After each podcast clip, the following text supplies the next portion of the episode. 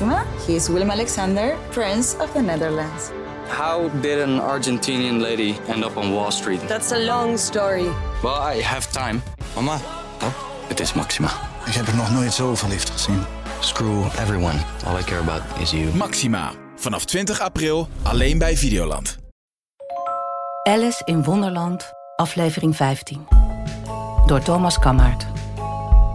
Alice is in een prachtige tuin met vrolijke bloembedden en koele fonteinen aangekomen.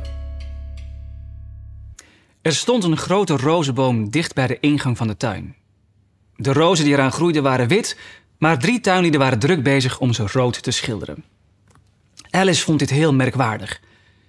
Ze kwam dichterbij om hen gade te slaan en juist toen ze op hen toekwam, hoorde ze een van hen zeggen... Hey, kijk uit, vijf! Spat niet zo met die verf! Ik kon er niks aan doen, zei vijf knorrig. Zeven stootte tegen mijn elleboog. Waarop zeven opkeek en zei... Ja, doe maar vijf. Geef de schuld maar weer aan iemand anders. Hou jij je mond maar, zei vijf. Gisteren hoorde de koningin nog zeggen dat je eigenlijk onthoofd moest worden. Hoezo? zei degene die het eerst gesproken had.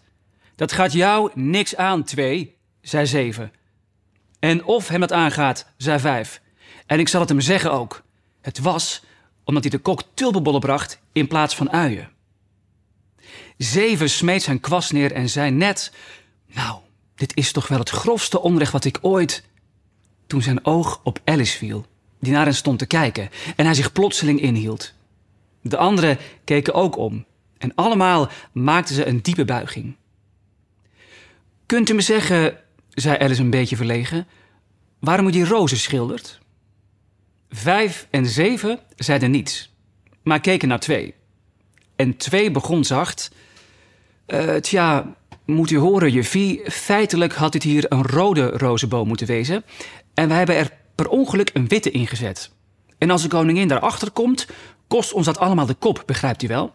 Dus vandaar, juffie, dat we ons best doen om voor ze komt...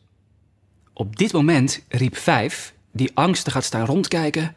De koningin! De koningin! En de drie tuinlieden lieten zich prompt plat op hun gezicht vallen. Er klonken vele voetstappen en Alice keek rond, nieuwsgierig naar de koningin. Eerst kwamen er tien klavere soldaten. Ze hadden dezelfde vorm als de drie tuinlieden, langwerpig en plat, met handen en voeten aan de hoeken. Toen de tien hovelingen, zij waren getooid met ruiten en liepen twee aan twee, evenals de soldaten. En na hen kwamen de prinsen en prinsessen. Er waren er tien. De kleintjes kwamen vrolijk aangehuppeld, hand in hand, twee aan twee. Zij waren alle getooid met harten. En toen kwamen de gasten, voornamelijk koningen en koninginnen. En onder hen herkende Alice het witte konijn. Hij was op een haastige, zenuwachtige manier aan het woord, glimlachte om alles wat er gezegd werd en liep voorbij zonder haar op te merken. Daarop volgde de harteboer, met koningskroon op een rood fluwelen kussen. En aan het eind van deze grandioze stoet kwamen de hartenkoning en de hartenkoningin. Alice wist niet goed of ze net als de tuinlieden met haar gezicht omlaag moest gaan liggen. Maar van zo'n voorschrift in zaken stoeten stond haar niks bij. Trouwens, wat heb je aan een stoet, dacht ze, als iedereen met zijn gezicht omlaag moet gaan liggen, zodat je niets meer ziet. Dus bleef ze staan waar ze was en wachtte. Toen de stoet ter hoogte van Alice kwam, hielden ze allemaal stil en zei de koningin streng: Wie is dit? Ze zei het tegen de harte boer, die bij wijze van antwoord slechts boog en glimlachte. Idioot, zei de koningin, ongeduldig haar hoofd schuddend. Toen richtte ze zich tot Alice en ging voort. Hoe heet je, kind? Met uw welnemen, mijn naam is Alice. Majesteit, zei Alice heel beleefd. Maar zij voegde er bij zichzelf aan toe: Ach, het is uiteindelijk maar een stelletje kaarten. Daar hoef ik niet bang voor te zijn. En wie zijn dit? zei de koningin, wijzend naar de drie tuinlieden die rond de rozenboom lagen. Want doordat ze op hun buik lagen en het motief op hun ruggen net zoals als bij de andere kaarten, kon ze niet zien, snap je wel, of het tuinlieden, soldaten, hovelingen of drie van haar eigen kinderen waren. Hoe moet u dat weten? zei Alice, verrast door haar eigen moed. Dat is mijn zaak niet. De koningin werd rood van woede, keek haar aan als een wild dier en schreeuwde: Haar hoofd eraf!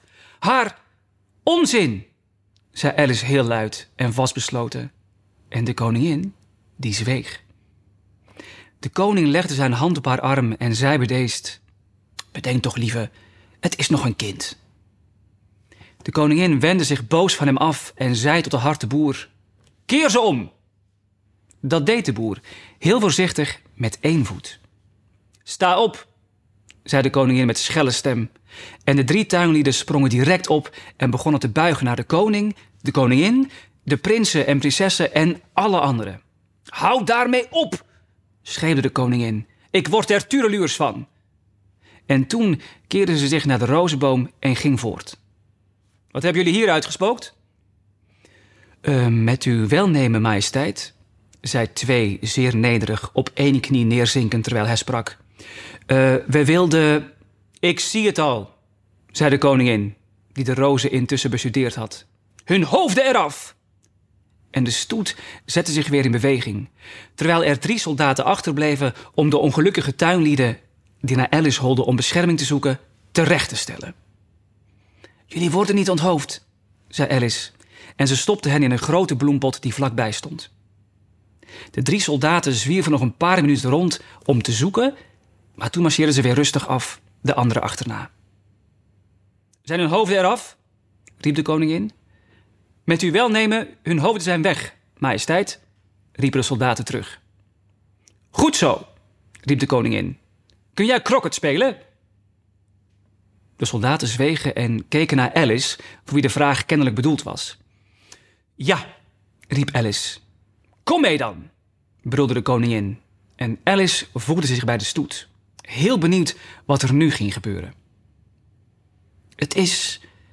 Het is een prachtige dag, zei met deze stem naast haar. Ze liep naast het witte konijn dat haar angstig aankeek. Nou en of, zei Alice. Waar is de hertogin? Stil toch, zei het konijn zachtjes en haastig. Terwijl hij sprak, keek hij angstig over zijn schouder, ging toen op zijn tenen lopen, bracht zijn mond bij haar oor en fluisterde: Ze is ter dood veroordeeld. Nee, maar, zei Alice. Zei je wat naar? vroeg het konijn. Uh, nee, dat zei ik niet, zei Alice. Ik vind het helemaal niet naar. Ik zei nee, maar. Wat heeft ze gedaan? Ze heeft de koningin een draai om haar oren gegeven, begon het konijn. Alice proestte van het lachen. Stil nou, fluisterde het konijn geschrokken. Zometeen hoort de koningin je nog. Ze kwam nogal laat, moet je weten. En de koningin zei: Iedereen op zijn plaats, riep de koningin met donderende stem. En tegen elkaar opbotsend begonnen de mensen alle kanten op te hollen. Maar na een paar minuten stond iedereen op zijn plaats en begon het spel. De volgende aflevering wordt gelezen door Gaite Jansen. Alice in Wonderland is een podcast van Internationaal Theater Amsterdam, Het Parool en Stepping Stone Producties. Vertaling Nicolaas Matsier, uitgeverij Meulenhof Boekerij.